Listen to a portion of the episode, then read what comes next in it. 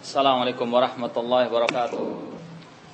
Innal hamdalillah nahmaduhu wa nasta'inuhu wa nastaghfiruh wa na'udzu billahi min shururi anfusina wa min sayyiati a'malina. Man yahdihillahu fala mudilla lahu wa man yudlil fala hadiya lahu. Asyhadu an la ilaha illallah wahdahu la syarika lahu wa asyhadu anna Muhammadan abduhu wa rasuluh. يا أيها الذين آمنوا اتقوا الله حق تقاته ولا تموتن إلا وأنتم مسلمون. يا أيها الناس اتقوا ربكم الذي خلقكم من نفس واحدة وخلق منها زوجها وبث منهما رجالا كثيرا ونساء. واتقوا الله الذي تساءلون به والأرحام. إن الله كان عليكم رقيبا. يا أيها الذين آمنوا اتقوا الله وقولوا قولا سديدا. يصلح لكم أعمالكم ويغفر لكم ذنوبكم ومن يطع الله ورسوله فقد فاز فوزا عظيما أما بعد فإن أصدق الحديث كتاب الله وخير الهدي هدي محمد صلى الله عليه وسلم وشر الأمور محدثاتها وكل محدثة بدعة kulla bid'atin dhalalah wa kulla dhalalatin finnar. Ikhwani fillah wa akhwati rahimani wa rahimakumullah. Sebelumnya kami mohon maaf atas undangan kajian yang mendadak ini dikarenakan rencana sebetulnya saya pulang sore tadi jam 4 namun qadar Allah bandara ada kerusakan sehingga tidak bisa pulang. Ya, untuk mengisi kekosongan waktu ini kita ingin untuk menggunakannya dengan sebaik-baiknya di antaranya untuk kita saling murajaatul ilmi, saling mengulang kembali pelajaran yang sudah kita mungkin telah mempelajarinya bersama. Tidak ada yang bisa saya sampaikan pada pertemuan kali ini melainkan kita bersama-sama mengulang kembali, mengingat kembali tentang sebuah wasiat emas Rasul Shallallahu Alaihi Wasallam, yaitu sebuah hadis yang sudah banyak kita mengenalnya, kita banyak mendengarkannya, yaitu hadis Al Irbad bin Sariyah radhiyallahu taala yang dalamnya penuh dengan wasiat pelajaran yang berharga bagi kita semuanya dalam mengarungi kehidupan ini. Di dalamnya ada miftah dari sa'adah, ada kunci kebahagiaan di dunia maupun di akhirat. Di dalamnya ada perisai dari fitnah syahwat maupun syubhat. Oleh karena itulah kita mengulang kembali pelajaran ini karena insya Allah banyak sekali manfaat bagi kita semuanya. Hadis Irbad bin Sariyah ini bisa ditemukan dalam hadis Arba'inawiyah yang mana disampaikan di situ An Irbad bin Sariyah radhiyallahu taala anhu qala dari sahabat Al Irbad bin Sariyah radhiyallahu anhu beliau mengatakan wa'adana Rasulullah SAW mau'idatan balighatan wajilat minhal qulub wa darafat minhal uyun Pernah suatu saat Rasulullah SAW memberikan kepada kami para sahabat wejangan atau nasihat yang sangat mendalam. Sampai-sampai hati kami pun para sahabat bergetar dan air mata kami bercucuran. Fakulna ya Rasulullah ka'annaha ma'idatu muwaddi' fa'usina. Wahai Rasulullah, seolah-olah ini adalah nasihat perpisahan, maka maka berilah wasiat kepada kami. Kemudian Rasul bersabda, "Usikum bi taqwallah azza wa jalla wa sam'i wa ta'a wa in ta'ammar 'alaikum 'abdun habasyiyun. Aku wasiatkan kepada kalian untuk bertakwa kepada Allah Azza wa Jalla dan untuk kalian mendengar dan taat kepada pemimpin kalian meskipun dari budak Ethiopia. Fa innahum man yashminkum fa sara ikhtilafan katsira. Karena sesungguhnya barang siapa yang hidup sepeninggalku nanti dia akan melihat banyak perselisihan. Fa'alaikum bisunnati wa sunnatil khulafai rasyidin mahdiyyin. Addu 'alaiha bin nawajid. Maka wajib bagi kalian untuk berpegang teguh dengan sunnahku dan sunnah para khulafa rasyidin dan gigi gigit erat dengan gigi geram kalian sunnah tersebut. Wa iyyakum wa muhdatsatil umur. Fa inna kulla muhdatsatin bid'ah wa kulla bid'atin dhalal.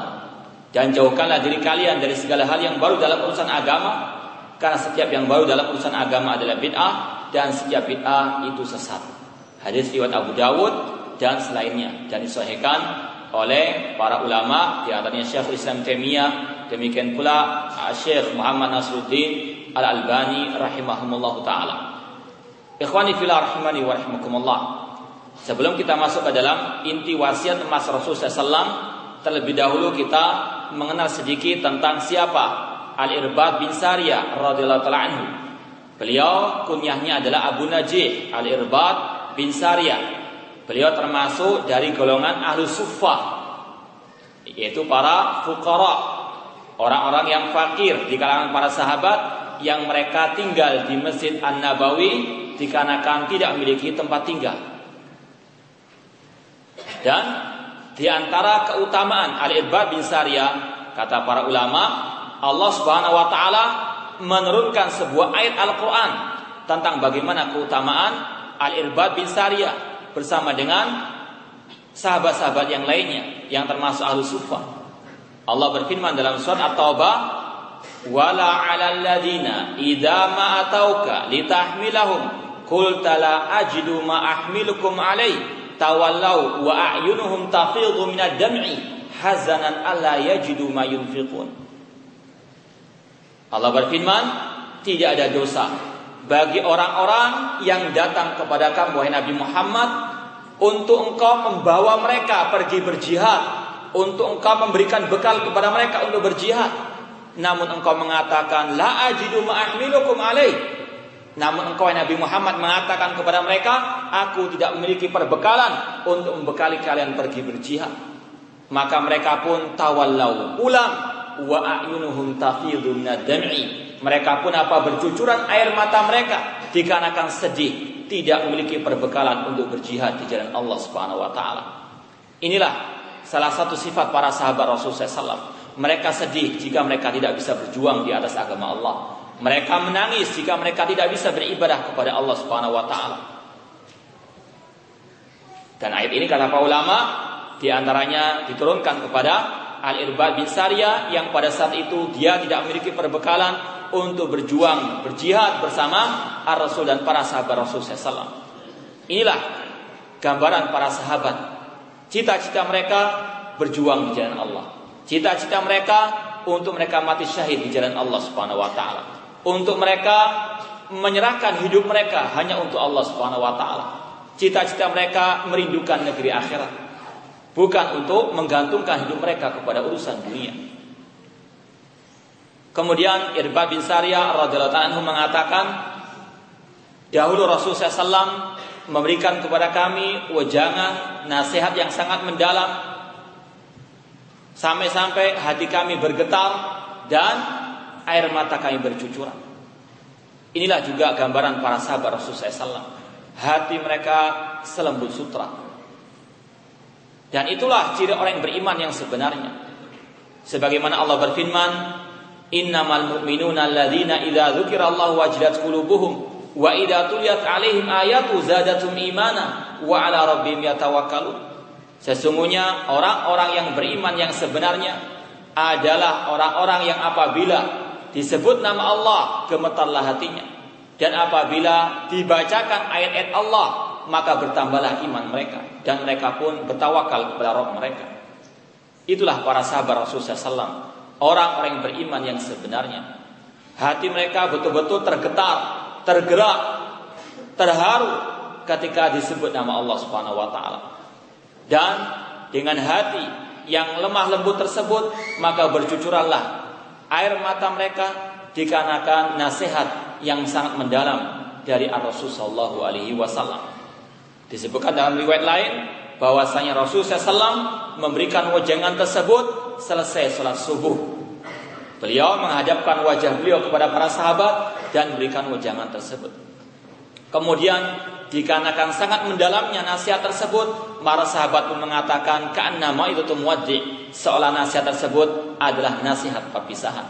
Karena memang nasihat perpisahan, berpisahnya seorang teman, berpisahnya seorang saudara, itu jika memberikan nasihat maka betul-betul akan menyentuh hati manusia. Maka dikatakan oleh para ulama, kalau kita mau menasihati seorang teman atau saudara, di antara kesempatan yang terbaik jikalau kita mengucapkan salam perpisahan kepadanya, jikalau kita mau berpisah dengannya, kita berikan nasihat. Dan nasihat itu pasti akan mendalam, akan merasuk ke dalam ke dalam hatinya. Karena memang seorang muslim, seorang dai misalnya, ketika menasehati saudaranya, maka hendaklah dia juga memilih waktu-waktu yang tepat agar betul-betul nasihat tersebut merasuk ke dalam relung-relung jiwa seorang yang dinasihati tersebut. Kemudian para sahabat mengatakan, "Fa'usina, berikanlah kami wasiat wahai Rasulullah." Maka inilah wasiat emas Rasulullah SAW bagi para sahabat dan bagi kita semuanya kaum muslimin. Yang pertama, yang diwasiatkan Rasulullah SAW usikum bitaqwallah azza wa jalla. Aku wasiatkan kalian untuk bertakwa kepada Allah azza wa jalla. Wasiat takwa adalah wasiat Allah kepada orang-orang sebelum kita dan kepada kita semuanya. Allah berfirman, "Walaqad wasayna alladziina utul kitaba min qablikum wa iyyakum an Dan sungguh kami telah mewasiatkan kepada ahli kitab sebelum kalian dan kepada kalian semuanya untuk bertakwa kepada Allah. Allah selalu menekankan wasiat kepada takwa. Demikian pula Ar-Rasul sallallahu alaihi wasallam seperti yang kita ingat ketika khutbatul hajah, pembukaan khutbah-khutbah yang dibuka oleh Rasul SAW, beliau selalu mengingatkan, Ya ayyuhalladzina amanu taqullaha wa qulu qawlan sadida. Ya ayyuhalladzina ya ayyuhalladzina amanu taqullaha haqqa tuqati. Ya ya ayyuhan nasu rabbakum. Setiap beliau membuka majlis beliau, setiap beliau membuka khutbah beliau, beliau menekankan tentang masalah takwa dikarenakan keutamaan takwa dan kedudukan takwa dalam kehidupan seorang muslim. Yang mana di antara keutamaan takwa yang Allah sebutkan di dalam Al-Qur'an di antaranya bahwasanya takwa adalah kuncinya surga. Barang siapa yang menginginkan surga, baginya takwa kepada Allah Subhanahu wa taala. Wasari'u ila maghfiratin min rabbikum wa jannatin arduha samawati wal ardu uiddat lil muttaqin dan bersegeralah kalian kepada ampunan kepada roh kalian dan kepada surganya yang seluas langit dan bumi yang Allah sediakan bagi orang-orang yang bertakwa. Tilkal jannatul lati nurisuha min ibadina man kana Itulah surga yang kami sediakan bagi hamba-hamba kami yang bertakwa kepadanya. Tidak ada jalan lain menuju surga kecuali dengan takwa kepada Allah. Kemudian yang, yang kedua, di antara keutamaan takwa kepada Allah bahwasanya Allah akan memudahkan jalannya orang yang bertakwa kepadanya. Allah akan berikan solusi bagi setiap problematika yang dia dapat di dalam kehidupan ini. Allah berfirman, "Wa may yattaqillaha yaj'al lahu makhraja wa yarzuqhu min haitsu la yahtasib." Barang siapa bertakwa kepada Allah, Allah akan berikan jalan keluar bagi segala bentuk problematikanya. Dan Allah akan berikan rezeki dari arah yang tidak disangka. Wa may yattaqillaha yaj'al min amri yusra. Barang sampai bertakwa kepada Allah, Allah akan mudahkan jalannya. Kalau kita mendapatkan banyak kesulitan dalam kehidupan ini dan itu pasti kehidupan dunia adalah penuh dengan cobaan, maka kunci kesuksesan adalah takwa kepada Allah. Kalau kita masih banyak kesulitan, maka kita koreksi ketakwaan kita kepada Allah Subhanahu wa taala. Kemudian juga di antara keutamaan takwa kepada Allah Allah tidak akan berikan ilmu kecuali bagi orang yang bertakwa. Allah berfirman, "In tattaqullaha yaj'al lakum furqana." Jika kalian bertakwa kepada Allah, Allah akan berikan al-furqan, ilmu yang membedakan antara hak dengan yang batil. Dan di antara keutamaan takwa, bahwasanya akibat yang baik pasti bagi orang yang bertakwa. Cepat ataupun lambat, Allah akan menolong orang yang bertakwa.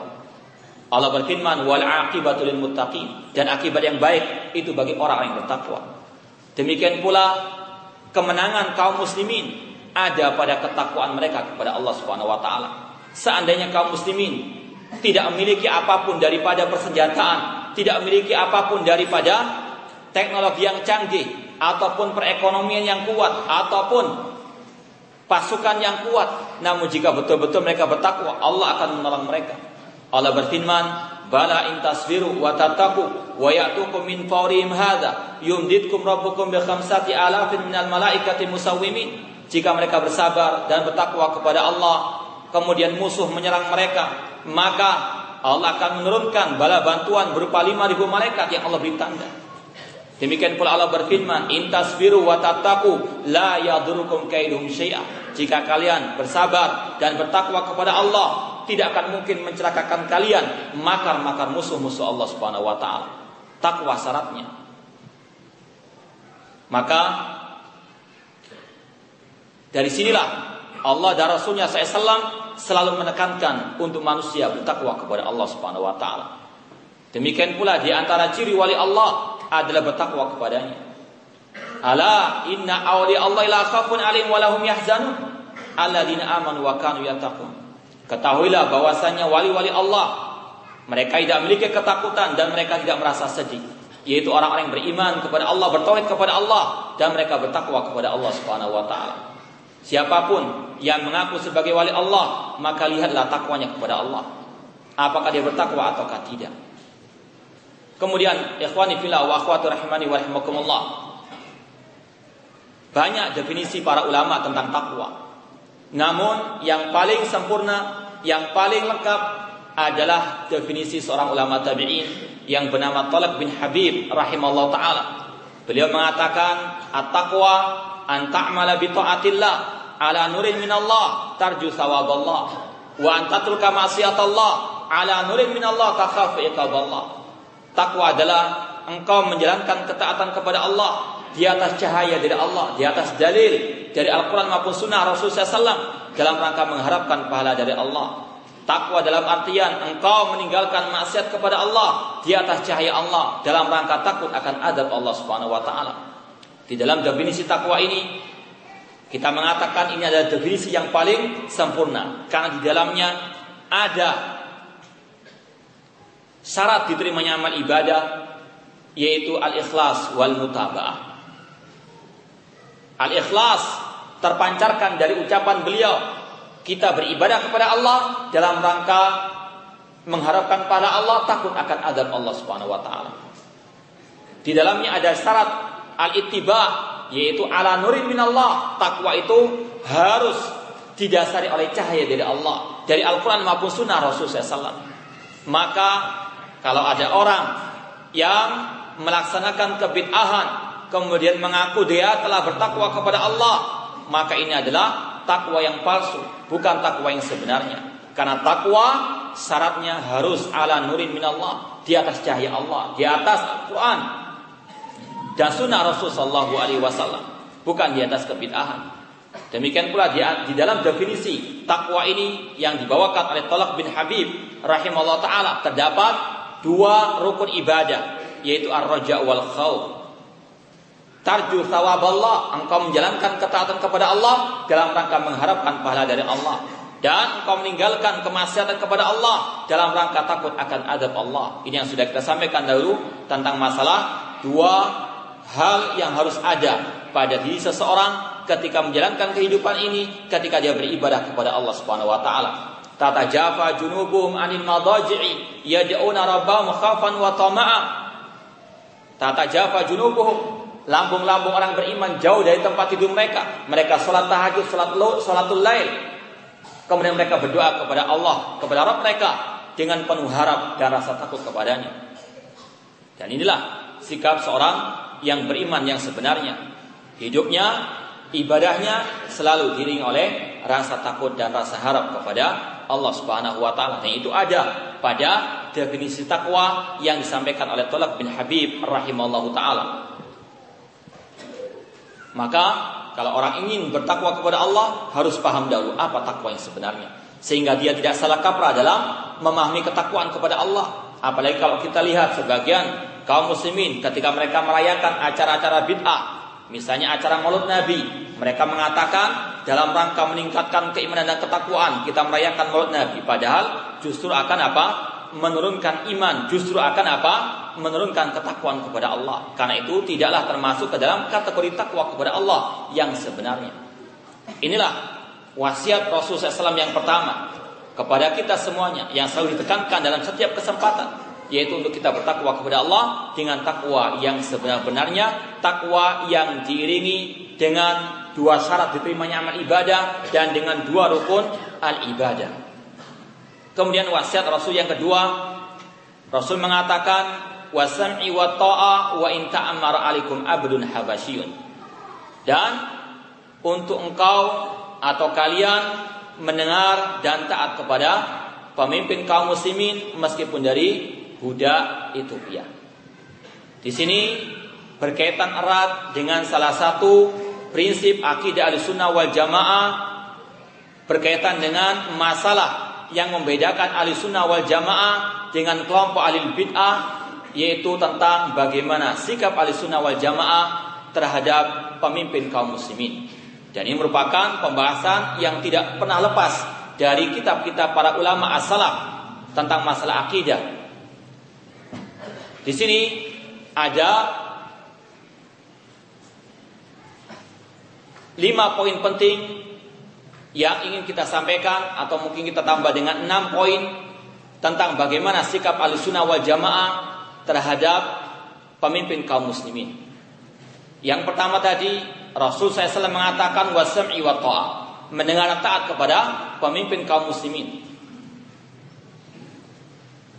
Dan Allah telah menekankan hal ini dalam firman-Nya. Ya ayyuhalladzina amanu taqul ya ayyuhalladzina amanu Allah wa ati rasul wa ulil amri minkum. Wahai orang yang beriman, taatlah kepada Allah dan Rasulnya dan pemimpin kalian. Pemimpin di antara kalian. Mungkin ada yang bertanya, yang kita wajib diperintahkan untuk mendengar dan taat hanya kepada pemimpin yang soleh. Adapun pemimpin yang dolim, sebagian orang mengatakan tidak perlu kita untuk menghormatinya, tidak perlu untuk kita mendengar dan mentaatinya. Apakah ini benar? Maka Rasulullah SAW menjawab sendiri bahwasanya bagaimanapun pemimpin kaum muslimin, bagaimanapun kezalimannya, tetap seorang muslim wajib untuk menghormati, wajib untuk mendengar dan taat di dalam hal yang ma'ruf. Sebagaimana sabda Rasul SAW yang diriwayatkan Imam Muslim, Rasul mengatakan, "Saya kunu ba'di umara yastannuna bi sunnati wa yahduna bi hati." Akan muncul setelahku nanti pemimpin-pemimpin yang mereka tidak mengikuti sunnahku dan tidak berhukum dengan hukumku. Wa sayakumu fihim rijalun kulubum kulubus syayatin fi jusmanil ins. Dan di antara mereka akan ada orang-orang yang berhati setan di dalam jasad manusia. Pemimpin yang kejam, pemimpin yang dolim, pemimpin yang banyak korupsi. Kemudian Hudzaifah bin Yaman Perawi hadis ini mengatakan, "Fakaifa asna in adraku dalika ya Rasulullah." Maka apa sikapku ya Rasulullah? Apa yang aku harus perbuat jika aku mendapati pemimpin yang seperti itu? Maka Rasul menjawab, "Tasma wa tuti." Tetap engkau mendengar dan tetap engkau mentaati. Wa in wa malak, meskipun dia memukul punggungmu ataupun merampas hartamu, isma' wa ati, tetap engkau mendengar dan taat. Ini sikap seorang muslim, sikap ahli sunnah kepada pemimpin kaum muslimin. Selama dia masih muslim, tetap ada kewajiban mendengar dan mentaati pemimpin tersebut. Sampai-sampai Rasulullah SAW di dalam hadis yang kita baca ini, wa in ta'ammara alaikum abdun habasyi, meskipun pemimpin kalian tersebut dari budak Ethiopia. Di sini dibahas oleh para ulama, pertama kali ada sebuah kaidah dari Rasulullah SAW al-a'immatu fi Quraisy bahwasanya khalifah pemimpin kaum muslim yang tertinggi itu harus dari Quraisy. Namun di sini Rasul mengatakan meskipun dari budak Ethiopia. Maka bagaimana kita menjamakan antara dua hadis ini? Kita katakan yang pertama secara asal pemimpin khalifah itu dipilih dari orang-orang Quraisy. Ini berdasarkan sabda Rasul SAW. Namun ketika Rasul mengatakan wajib mendengar dan taat kepada kepada pemimpin meskipun dari budak Ethiopia. Ini yang pertama kata para ulama di antara Syekh Abdul Musin Abba dalam sarah di sini bahwasanya ini sekedar untuk mubalaghah untuk apa menekankan masalah mendengar dan taat meskipun terkadang tidak terjadi eh, meskipun apa tidak terjadi dari budak Ethiopia eh sebagaimana Allah berfirman kul in kana lirrahmani waladun fa ana awalul abidin. Allah berfirman, katakanlah wahai Nabi Muhammad, seandainya Allah yang maha pengasih memiliki anak, maka aku tetap sebagai orang yang pertama kali menyembah Allah taala. Tidak mungkin Allah punya anak, lam yalid wa lam yulad. Ya. Namun sekedar apa? Menekankan seandainya. Demikian pula di sini. Seandainya ada budak Ethiopia yang menjadi pemimpin, tetap wajib mendengar taat kepada kepadanya. Ini yang pertama untuk lindung bala meskipun tidak harus apa terjadi. Kemudian yang kedua, yang dimaksud di sini wa intamara alaikum abdun habasyi itu pemimpin yang bukan khalifah. Ya. Seperti gubernur atau yang lainnya. Tetap mendengar taat di dalam hal yang ma'ruf. Kalau pemimpin atau yang khalifah harus dari Quraisy. Kemudian yang ketiga bisa jadi maknanya bahwasanya sang budak tersebut mengadakan kudeta kemudian berhasil menjadi seorang pemimpin kaum muslimin atau khalifah maka kewajiban kaum muslimin rakyat tetap dengan taat kepadanya. Meskipun apa? Secara asal harus dari Quraisy namun sudah terjadi. Dia mengkudeta berhasil eh maka apa rakyat tetap mendengar dan taat kepada orang tersebut eh dari sini pula mungkin ada sebuah syubhat bahwasanya kita apa tidak boleh untuk mendengar taat kepada pemimpin yang dipilih secara tidak syar'i.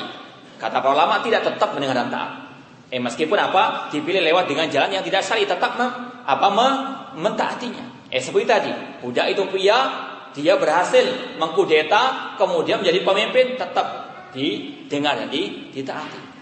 Ya, karena apa kalau diberontak lagi akan terjadi apa kemudaratan yang lebih lebih besar lagi. Maka wajib mendengar dan taat kepadanya. Kemudian yang keempat, eh di antara jawaban para ulama eh bahwasanya eh seorang budak tersebut itu asalnya dia bukan seorang budak. Namun dia ditawan oleh musuh dijadikan budak padahal asalnya dia adalah seorang yang merdeka. Jadi setelah jadi pemimpin sebetulnya dia apa? Bukan budak lagi, namun sudah apa? Sudah menjadi orang yang merdeka. Jadi kata para ulama, dia dikatakan budak bi'tibari makana. Eh karena dilihat pada masa lalunya pernah jadi budak, padahal asalnya dia bukan seorang budak. Ini jadi empat jawaban para ulama dari Syekh Abdul Musin Abbad untuk mensinkronkan, menjamakan antara hadis yang mengatakan al-aimatu fi Quraisy, pemimpin itu harus jadi Quraisy dengan sabda Rasul SAW bahwasanya wajib mendengar taat meskipun pemimpin tersebut dari budak Ethiopia. Ini tadi poin yang pertama sikap ahli sunnah kepada pemimpin kaum muslimin wajib mendengar dan taat kepada kepadanya namun harus dalam yang yang ma'ruf eh sebagaimana firman Allah tadi Ya ayyuhalladzina amanu ati Allah wa ati Rasul wa ulil amri minkum. Kewajiban mentaati pemimpin itu terikat dengan ati Allah wa ati Rasul. Kalau menyelisih ati Allah ati Rasul, maka tidak ada kewajiban untuk mengikutinya. Kemudian juga Abdullah bin Umar radhiyallahu anhu pernah mengatakan bahwa Sayyidina Rasul SAW bersabda, "Alal mar'il muslim asam wa ta'a fi ma ahabba wa kariha illa an yu'mara bi ma'siyatin fa in umira bi ma'siyatin fala sam'a wala ta'a. Wajib bagi seorang muslim untuk mendengar dan taat kepada pemimpin kaum muslimin di dalam hal yang dia sukai atau yang dia benci. Kecuali jika dia diperintah untuk berbuat maksiat, maka tidak ada ketaatan dan ya, mendengar pada perintah yang maksiat tersebut. Adapun yang tidak maksiat wajib untuk apa? Ditaati. Ini yang pertama, wajib mendengar taat kepada pemimpin kaum muslimin.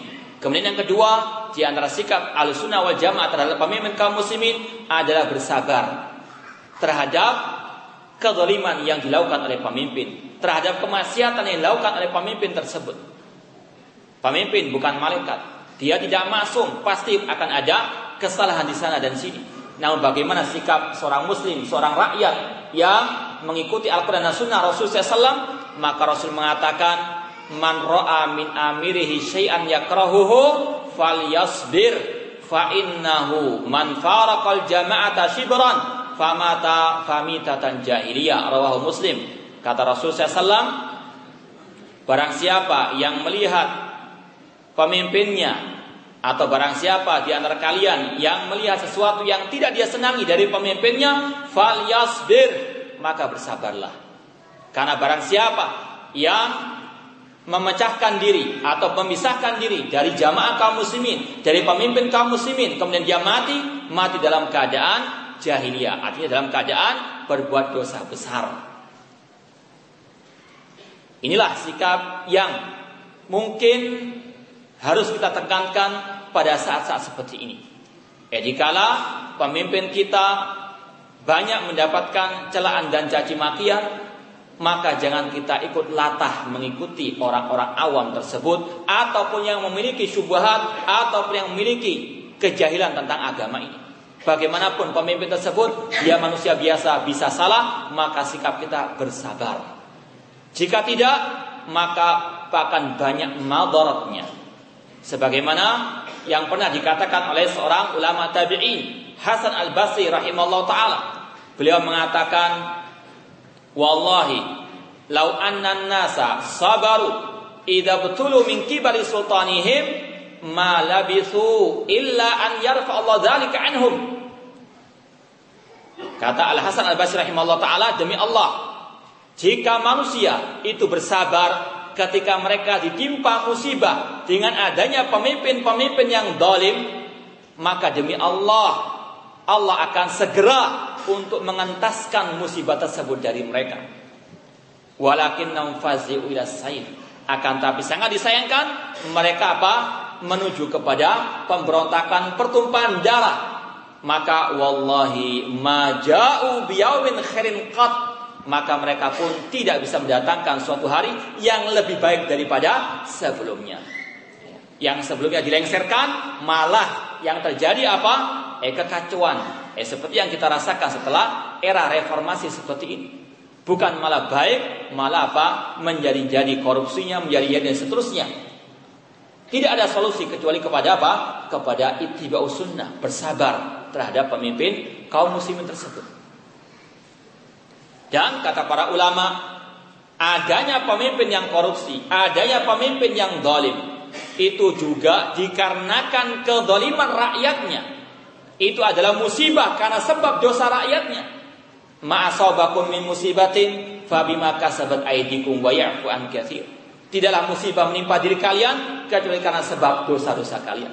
Pemimpin yang zalim, pemimpin yang korupsi itu adalah musibah dan musibah itu sebabnya adalah apa? Dosanya kaum muslimin, dosanya manusia juga.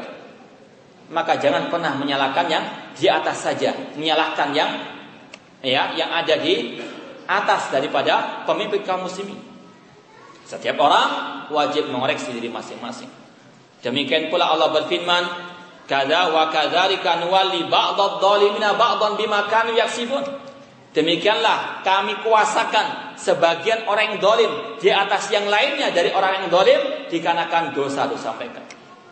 Pemimpin yang dolim dikarenakan rakyat yang juga banyak yang yang dolim. Pemimpin pejabat yang korupsi itu di antara sebabnya karena yang di bawah juga banyak korupsi. Maka ya ini adalah apa?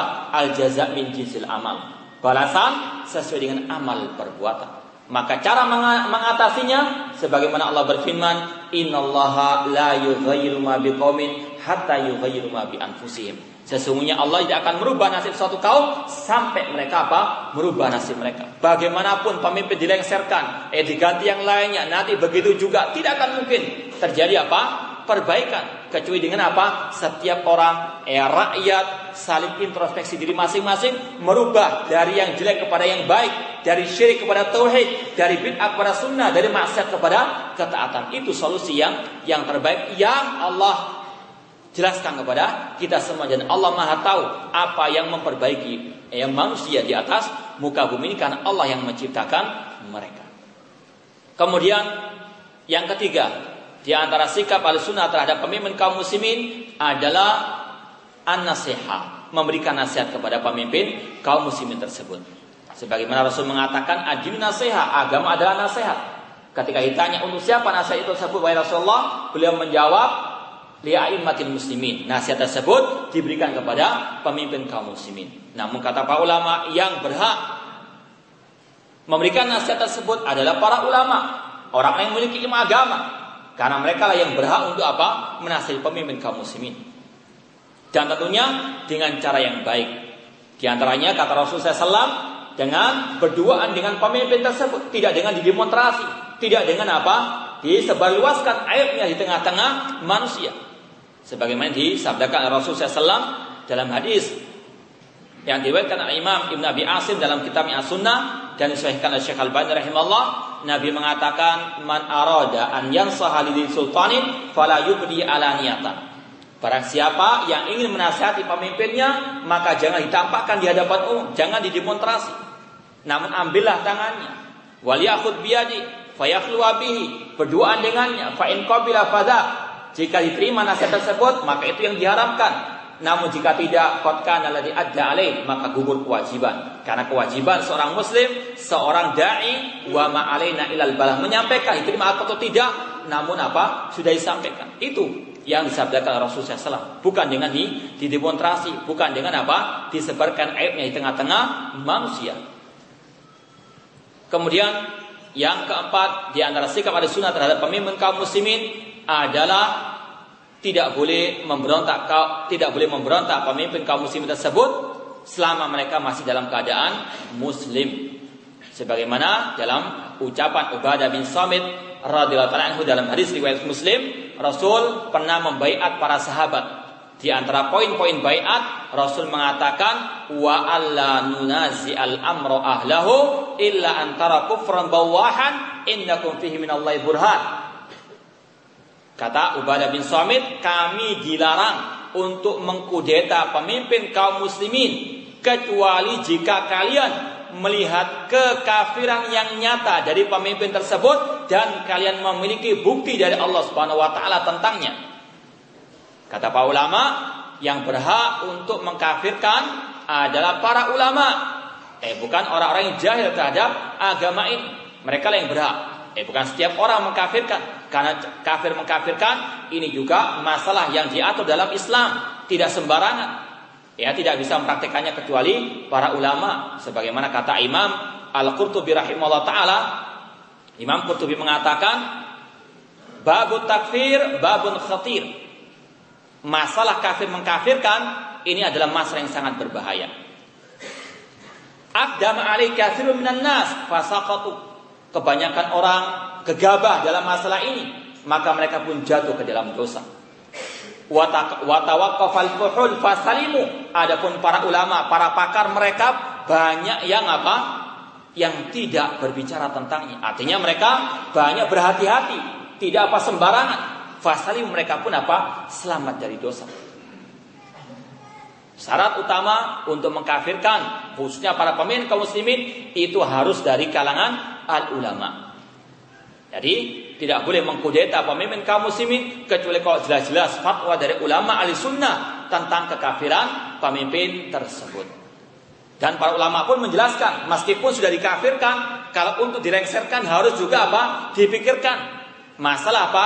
Kemampuan kaum muslimin, kekuatan kaum muslimin. Kalau masih lemah tetap tidak dibolehkan untuk memberontak untuk melengsarkan pemimpin yang yang murtad atau yang kafir tersebut.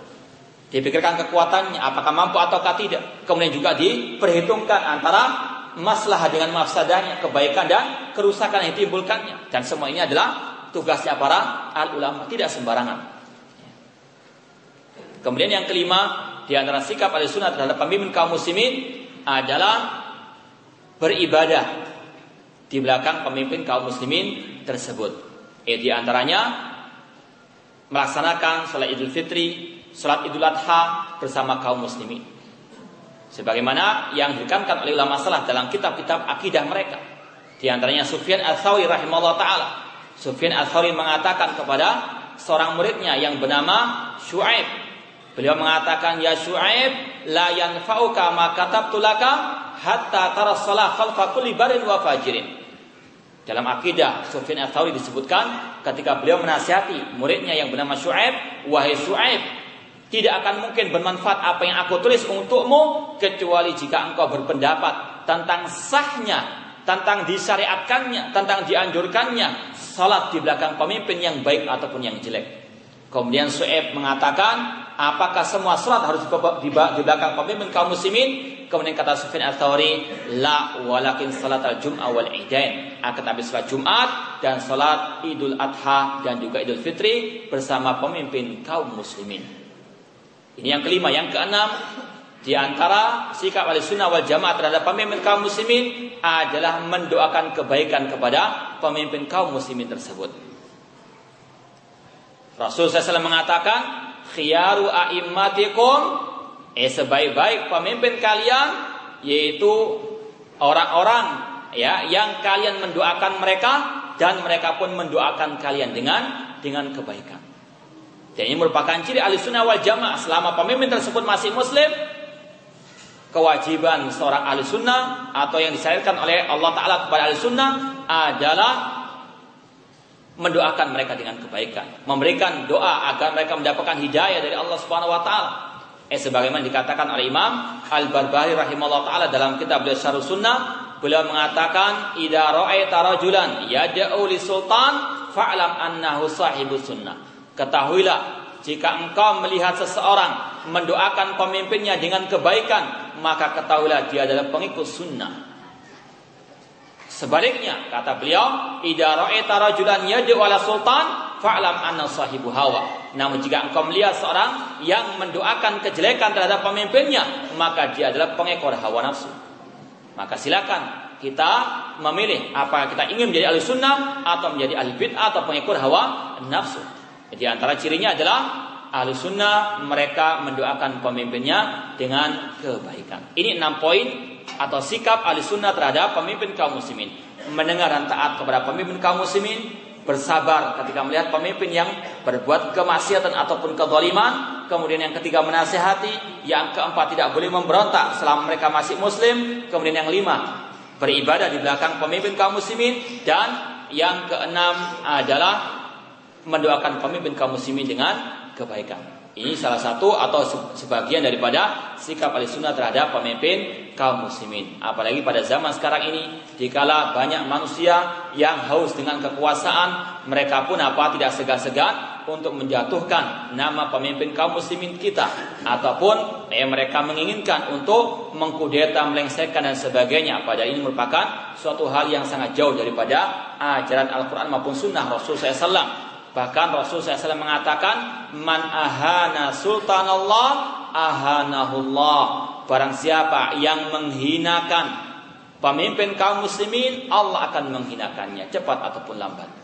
Maka, eh, seorang muslim wajib berhati-hati. Jangan pernah menghina pemimpin kaum muslim, bagaimanapun keadaannya. Karena itu adalah eh, suatu hal yang merupakan akidah eh, seorang muslim yang mengikuti Al-Quran dan Sunnah Rasulullah SAW sesuai dengan pemahaman para sahabat Rasulullah SAW. Rasulullah SAW setelah mewasiatkan kepada para sahabat dan kepada kita semuanya untuk bertakwa kepada Allah dan mendengar serta taat kepada pemimpin kaum muslimin kemudian beliau mengabarkan fa innahu man yashminkum fasara ikhtilafan katsira barang siapa yang hidup sepeninggalku nanti maka dia akan melihat perselisihan yang banyak. Ini adalah kabar berita dari Nabi SAW yang beliau tidak berkata dari hawa nafsu beliau, namun ini adalah wahyu dari Allah Subhanahu Wa Taala. Rasul yang tahu yang gaib, namun Rasul diberitahu oleh Allah Taala akan terjadinya perpecahan di tengah-tengah kaum muslimin. Sebagaimana yang telah disabdakan dalam hadis yang lain, Satafsariku hadil umma ala thalasin wa sab'ina firqa kulluha finnar illa wahida. Umat Islam akan terpecah menjadi tujuh puluh golongan, semuanya masuk neraka kecuali satu, yaitu yang sesuai dengan Rasul dan para sahabat Rasul SAW. Rasul mengabarkan akan adanya perselisihan, perpecahan di tengah-tengah kaum muslimin. Sekali lagi, ini adalah wahyu dari Allah. Rasul tidak tahu yang gaib. Alimul ghaibi fala yudhiru ala ghaibihi ahadan illa man irtada min rasul. Dialah Allah yang mengetahui yang gaib, dia tidak menampakkan yang gaib tersebut kepada seorang pun kecuali kepada rasul yang diridhoinya. Dan apa yang disampaikan Rasul itu pun terjadi.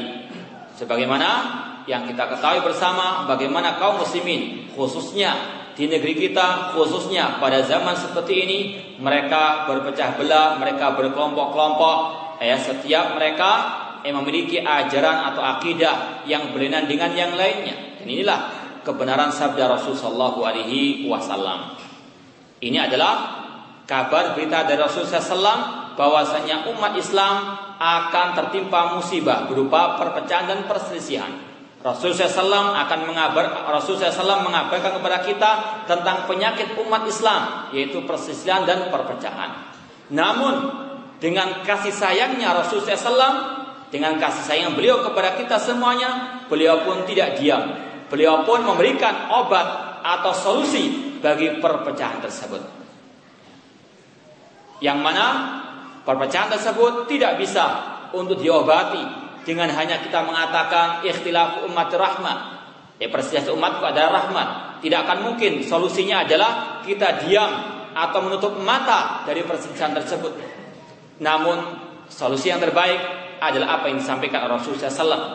Rasul mengatakan solusi bagi perpecahan umat adalah yang pertama alaikum bisunnati wa sunnatil khulafa'ir rasyidil mahdiyyin.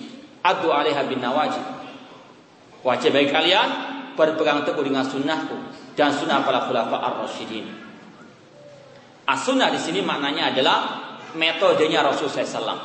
Eh karena ulama telah mengabarkan menjelaskan kepada kita kata-kata as-sunnah jika dimutlakan bisa bermakna al-hadis, bisa bermakna al-aqidah as-sahihah, bisa bermakna al-mustahab jika dikerjakan mendapatkan pahala, jika ditinggalkan tidak berdosa dan as-sunnah jika dimutlakan juga terkadang bisa bermakna makan oleh Rasulullah SAW yaitu metode hidupnya Rasulullah SAW baik yang hukumnya wajib ataupun yang mustahab baik yang berkaitan dengan akidah atau ibadah atau yang lainnya ini yang dimaksud Rasulullah SAW. Alaikum bisunati pegang ya sunnahku atau metode hidupku. Tata cara hidupku kata Rasulullah. Demikian pula metode sunnahnya para khulafa Rasyidin. Abu Bakar Siddiq, Umar bin Khattab, Utsman bin Affan dan Ali bin Abi Thalib radhiyallahu taala Ini solusi pertama bagi umat Islam jika mereka menginginkan ya untuk menghadapi perselisihan tersebut yaitu mengembalikan semuanya kepada sunnahnya Rasulullah Alaihi Wasallam. Ya sebagaimana Allah berfirman,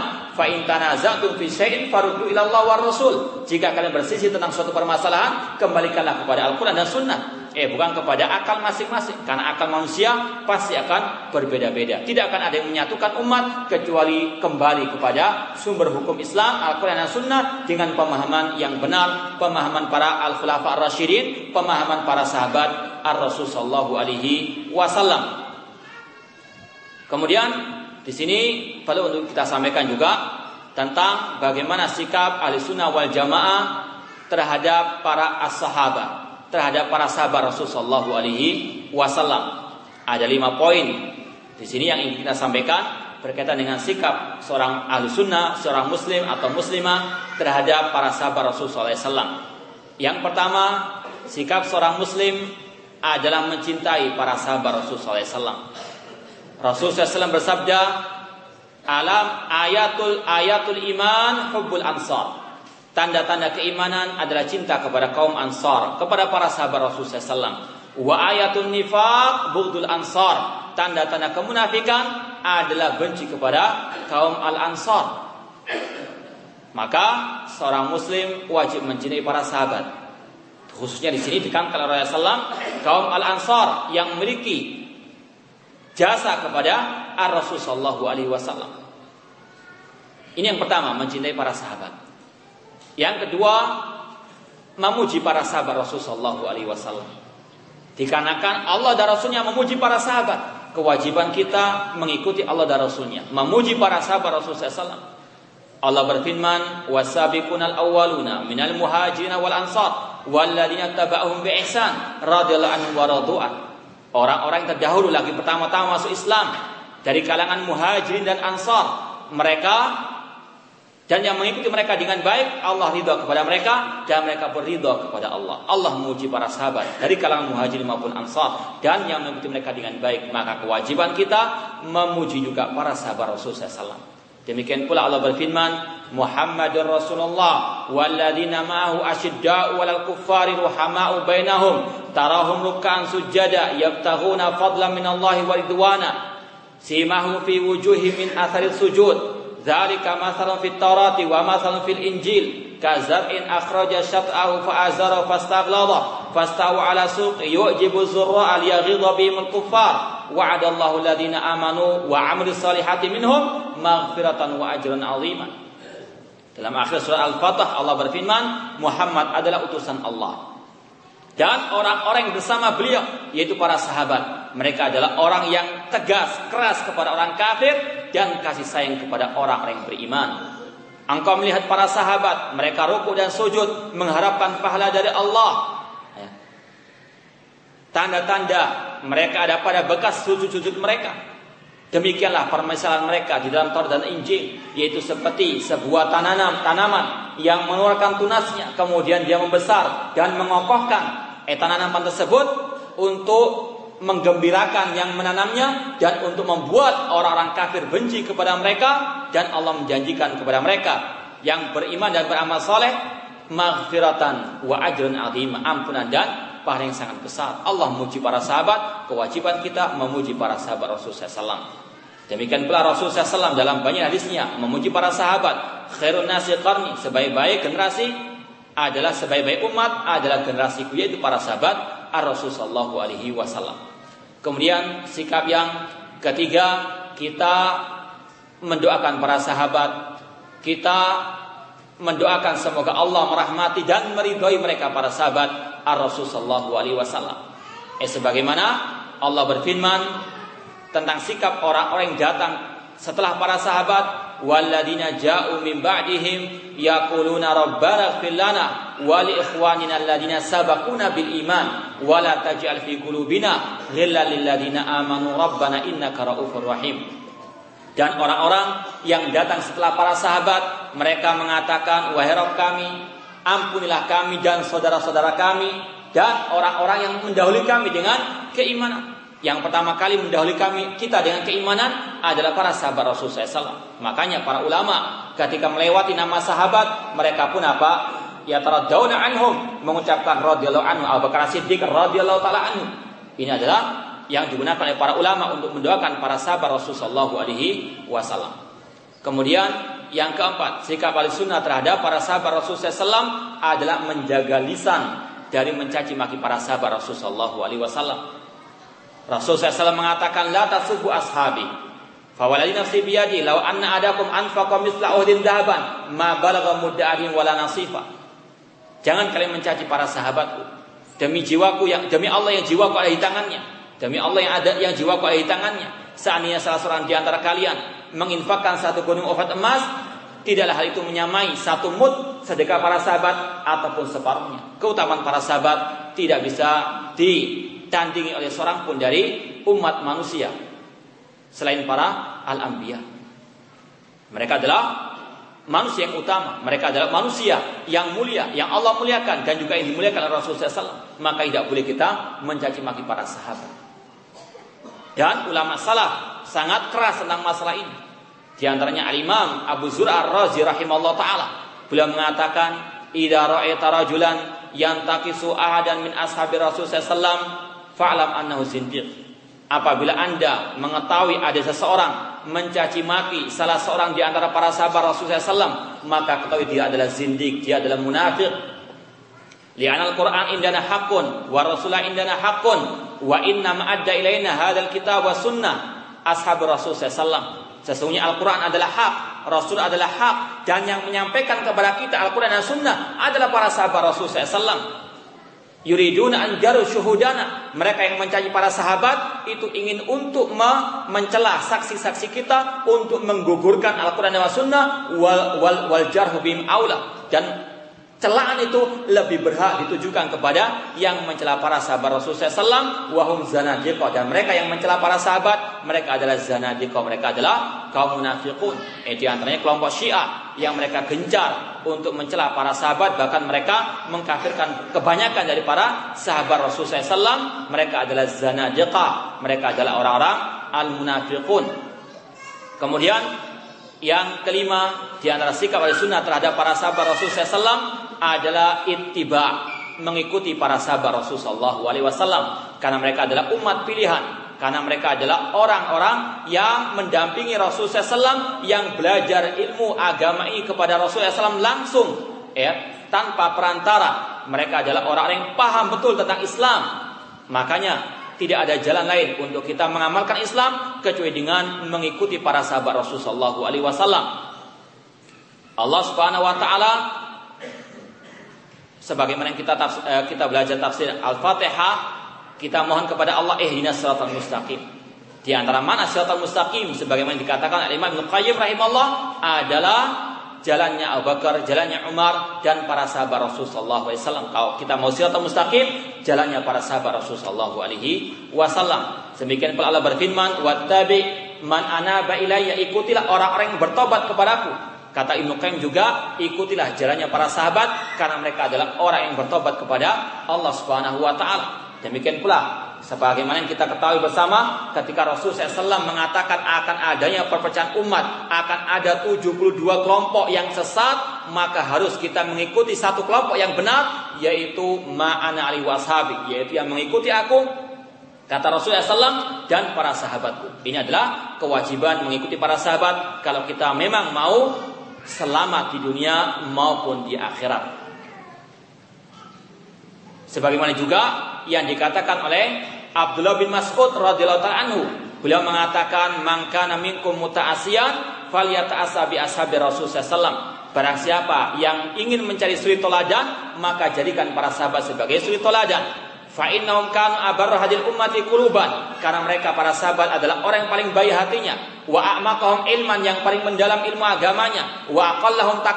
Mereka tidak ekstrim dalam beragama wa hadiyan mereka adalah orang yang paling baik petunjuknya wa akma fa ahsanu hadiyan wa aqwamu mereka yang baik baik keadaannya dan yang paling benar petunjuknya kauman ikhtarahum Allah li sohbati nabihi wa iqamati dinihi mereka para sahabat kata Abdullah bin Mas'ud radhiyallahu anhu, mereka adalah sekelompok manusia yang Allah pilih untuk menemani nabinya dan untuk menegakkan agamanya. Fa'rifu lahum fadlahum. Kenalilah jasa-jasa mereka wattabi'uhum fi atharihim fa innahum kanu alal hudal mustaqim. Maka ikutilah jejak mereka karena mereka di atas as-sirata al-mustaqim. Ini kewajiban seorang muslim terhadap para sahabat Rasulullah mencintai mereka, memuji mereka, mendoakan mereka dengan kebaikan, kemudian tidak mencelah mereka dan yang kelima kewajiban kaum muslimin khususnya ahli sunnah wal jamaah adalah ittiba kepada para sahabat di dalam semua permasalahan agama ini baik masalah akidah, masalah ibadah, masalah dakwah, masalah jihad dan lain sebagainya kewajibannya adalah mengikuti para sahabat Rasulullah SAW.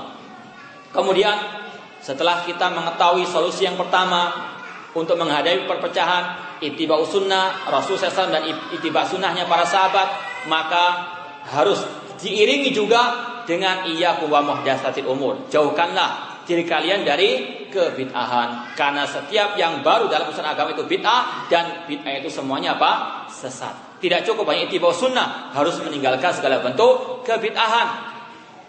Oleh karena itulah salah kalau orang apa? diam daripada kebid'ahan.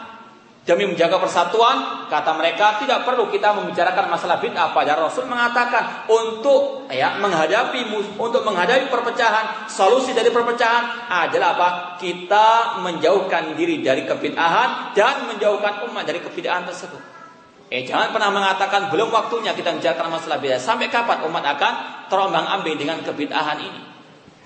Rasul mengatakan solusi terbaik, obat terbaik bagi perselisihan yaitu menjauhkan diri daripada kebid'ahan dan ini tidak akan mungkin bisa terlaksanakan dengan para ulama menyampaikan apa itu bid'ah, apa itu sunnah. Demikian pula para dai-dai ahli sunnah untuk mengingatkan umat tentang bahaya kebid'ahan tersebut. Yang mana bahaya bid'ah sangat amat banyak. Yang pertama di antara bahaya bid'ah amalnya tidak ter, tidak diterima oleh Allah Subhanahu wa taala. Man amila amalan laisa alaihi amruna fahuwa raddun. Orang tersebut termasuk orang yang merugi di dunia maupun di akhirat. Kul hal nabiyukum bil aksarina a'mala alladziina dhalla sa'yuhum fil hayati dunya wa hum yahsabuna annahum yuhsinuna sun'a. Katakanlah, apa kami akan beritahukan kepada kalian tentang orang yang paling merugi amal ibadahnya, yaitu orang-orang yang sia-sia amal perbuatannya di dunia, namun mereka menganggap telah berbuat yang sebaik-baiknya. Kemudian juga di antara bahaya bid'ah bahwasanya orang tersebut telah mendudukkan dirinya sejajar dengan Allah Subhanahu wa taala sebagai sang pembuat syariat. Sebagaimana Allah berfirman, "Amlahum syuraka'u syara'u min ad-dini ma lam ya'zam Apakah mereka itu memiliki sekutu-sekutu yang membuat syariat yang tidak diizinkan oleh Allah Subhanahu wa taala? Eh kata para ulama, di antara bahaya bid'ah mereka mendudukkan dirinya sejajar dengan Allah Subhanahu wa taala. Dan yang keempat di antara bahaya bid'ah bahwasanya bid'ah merupakan baridul kufri, merupakan jembatan menuju kepada kekufuran. Eh karena berapa banyak manusia yang jatuh ke dalam kebid'ahan, kemudian dia pun jatuh ke dalam kesyirikan kepada Allah Subhanahu wa taala. Eh seperti yang sudah kita sampaikan kemarin, sebagian kaum muslimin membuat selawat-selawat lawan bid'ah.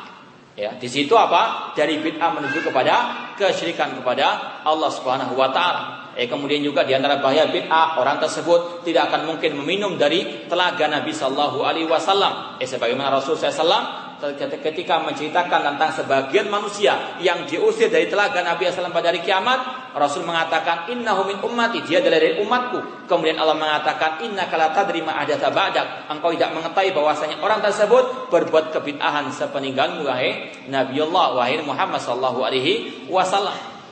Eh, demikian pula ancamannya adalah orang itu eh sebagaimana Rasul mengatakan tadi wa kullu bid'at wa kullu dhalalatin finnar. Setiap kesesatan tempatnya di dalam api neraka. Ancamannya adalah neraka Allah Subhanahu wa taala. Maka tidak tidak tidak bisa masalah bid'ah ini diremehkan karena sangat berbahaya bagi pelakunya dan juga bagi kaum muslimin. Kemudian juga di sini Rasul mengatakan kullu bid'atin dolal setiap bid'ah itu sesat. Maka barang siapa mengatakan ada bid'ah yang hasanah, maka dia jelas-jelas menentang sabda Rasul sallallahu alaihi wasallam. Dan inilah yang dipahami oleh para sahabat. Tidak ada bid'ah yang, yang hasanah. Abdullah bin Umar mengatakan kullu bid'atin dolalah wa in ra'ahan nasu hasanah. Setiap bid'ah itu sesat meskipun semua orang mengatakan baik. Dan itu pula yang dipahami oleh Imam Malik rahimahullah taala.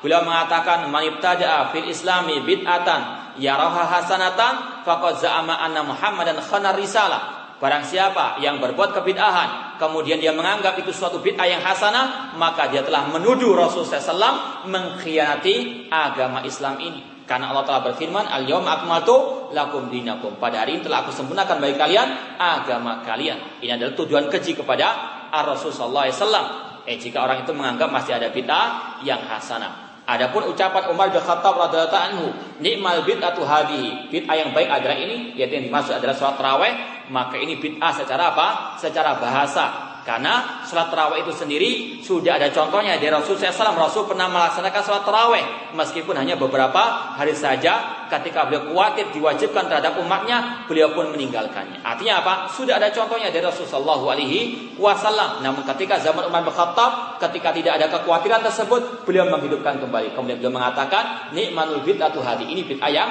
yang baik. Maka kalau ada ahli bid'ah mengatakan menurut Nabi itu bid'ah hasanah dengan mengatakan adanya bid'ah hasanah dengan ucapan Umar bin kita mengatakan jangan disamakan antara maulid dengan sholat taraweh. Sholat taraweh pernah contohkan Rasulullah SAW, namun peringatan maulid Nabi mana contohnya dari Rasulullah Shallallahu Alaihi Wasallam? Mana contohnya dari para sahabat Rasulullah Shallallahu Alaihi Wasallam? Eh demikian al bid'ah berusaha untuk apa melegalkan kebid'ahan mereka dengan hal-hal yang sekiranya cocok dengan hawa nafsu mereka, padahal sangat jauh daripada kebenaran. Demikian pula kalau ada orang berhujah dengan ucapan Imam Syafi'i rahimahullah. Imam Syafi'i pernah mengatakan bid'ah itu ada dua, bid'ah yang baik dan bid'ah yang yang jelek. Maka kita katakan seandainya itu betul, ini memang itu betul dari Imam Syafi'i, maka kita katakan mana yang Anda pilih, ucapan Rasul atau ucapan Imam Asy-Syafi'i rahimahullah. Apakah syahadat anda wa ashadu Imam Syafi'i Rasulullah atau ashadu Muhammad Rasulullah? Eh silakan pilih. Eh Rasul mengatakan kulu bid'ah dolala, engkau mengatakan apa? Imam Syafi'i mengatakan ada bid'ah yang yang hasanah. Abdullah bin Abbas mengatakan, "Aksha alaikum antan aksha antan jil alaikum hijaratun minas sama." Aku lupa Rasul wa qultum Abu Bakar wa Umar. Aku khawatir akan turun hujan dari langit. Aku mengatakan, kalau Rasul, Rasul bersabda, engkau mengatakan, Abu Bakar dan Umar mengatakan. Ya, tidak boleh mempertentangkan antara ucapan Abu Bakar dengan Umar dengan siapa? Rasulullah SAW apalagi dengan ucapan Imam Asyafi. Itu pun kalau apa?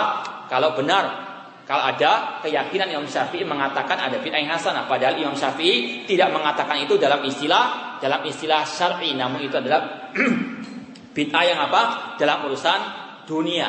Ya, karena dalam terusan ucapan itu Imam Syafi'i mengatakan kalau bid'ah tersebut sesuai dengan sunnah, maka itu yang yang terpuji. Artinya apa? Ini bid'ah dalam urusan dunia, bukan dalam urusan agama. Adapun dalam urusan agama, kullu bid'atin dolalah. Jadi intinya tidak ada bid'ah yang hasanah dalam urusan agama ini karena Rasul jelas-jelas mengatakan kullu bid'atin dolalah. Eh mungkin yang bisa kita sampaikan mudah-mudahan bermanfaat. Ini hanya sekedar wadzakir fa inna dzikratan fal mu'minin. Berilah peringatan karena peringatan bermanfaat bagi orang beriman dan sekedar untuk kita mengingat kembali bagaimana akidah Ahlussunnah wal Jamaah dan bagaimana wasiat emas Rasulullah sallallahu alaihi wasallam. Ya kita teruskan sedikit dengan soal jawab. Ada pertanyaan bagaimana cara kita menasihati sebagian teman-teman kita yang tertipu dengan kelompok-kelompok lain. Mereka melakukan berbagai demonstrasi kepada pemimpin dengan berdalil dengan atas keluarnya istri Rasulullah SAW Aisyah setelah meninggalnya beliau dan Aisyah menghukumi diri yaitu tidak memilih menguburkan diri dengan kuburan Nabi.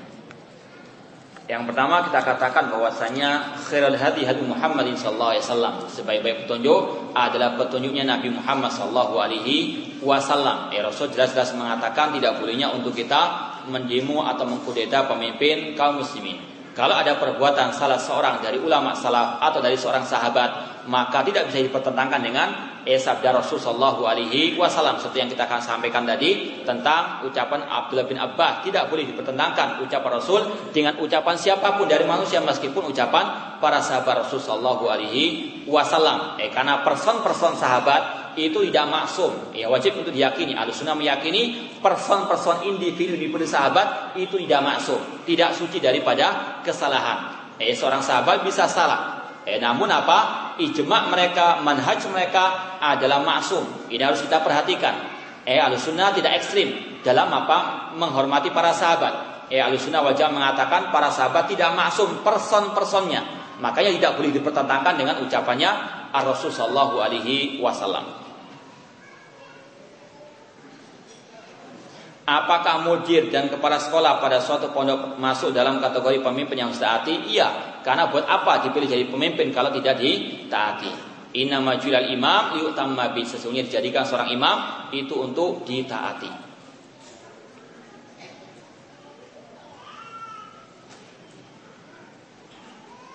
Apakah ada ustadz dari salaf yang pernah menasihati pemimpin? Banyak sekali.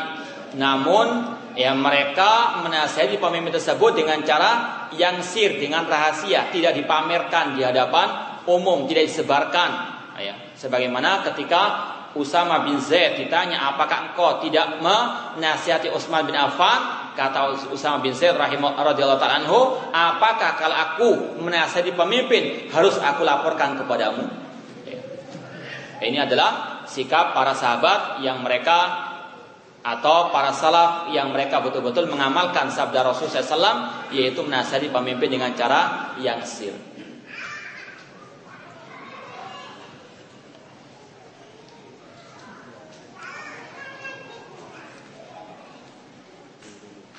Pada zaman apakah berakhirnya khilafah dalam Islam semenjak zaman Rasulullah? Ya akhir khilafah nanti pada zamannya ya Isa alaihissalam yang nantinya akan memerangi peperangan dengan orang-orang ahli Yahud.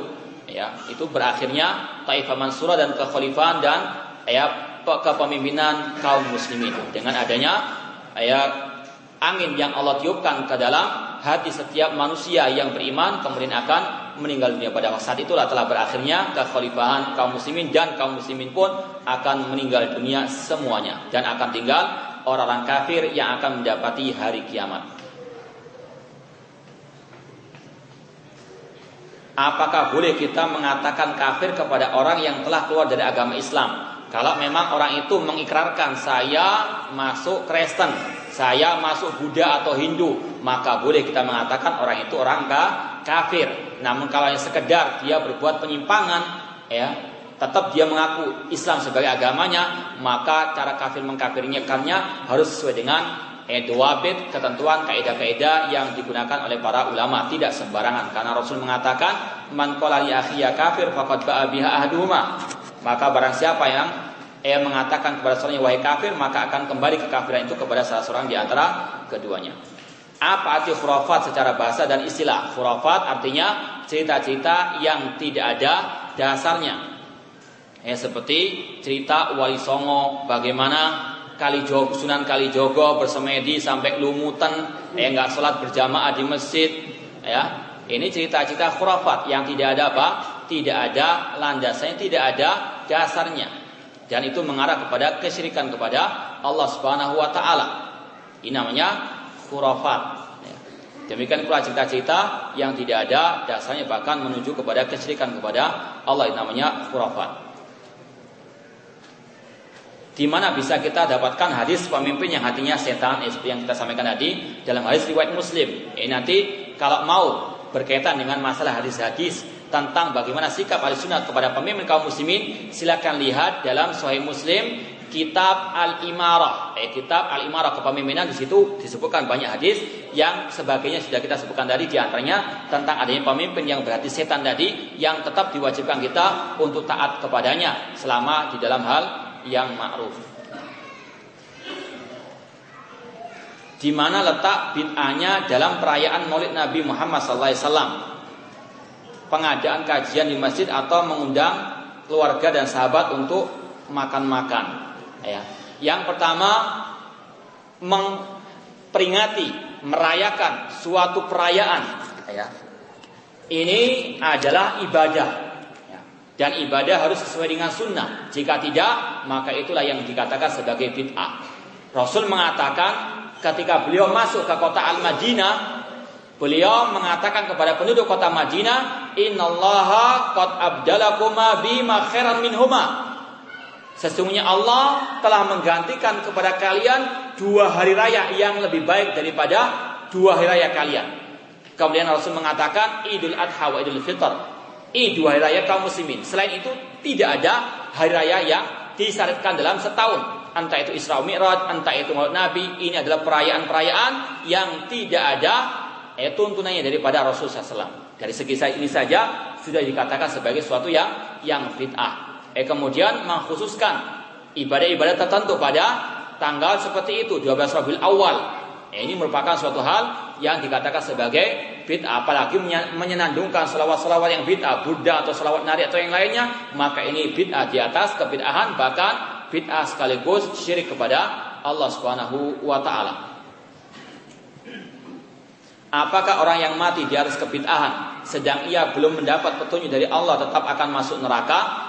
Ya adapun eh secara person-personnya kita tidak bisa menghukumi. Adapun secara umum eh, pelaku kebid'ahan diancam apa? Masuk ke dalam api neraka. Eh, Rasul mengatakan tadi bahwasanya kullu bid'atin dolalah setiap bid'ah itu sesat dan dalam riwayat lain wa kullu bid'atin wa kullu dolalatin finnar. Setiap yang sesat masuk dalam api neraka. Artinya pelaku kesesatan tersebut eh diancam masuk ke dalam api neraka. Namun selama bid'ahnya itu tidak sampai keluar dari Islam, maka itu tahta masyiatillah di bawah kehendak dari Allah Subhanahu wa taala.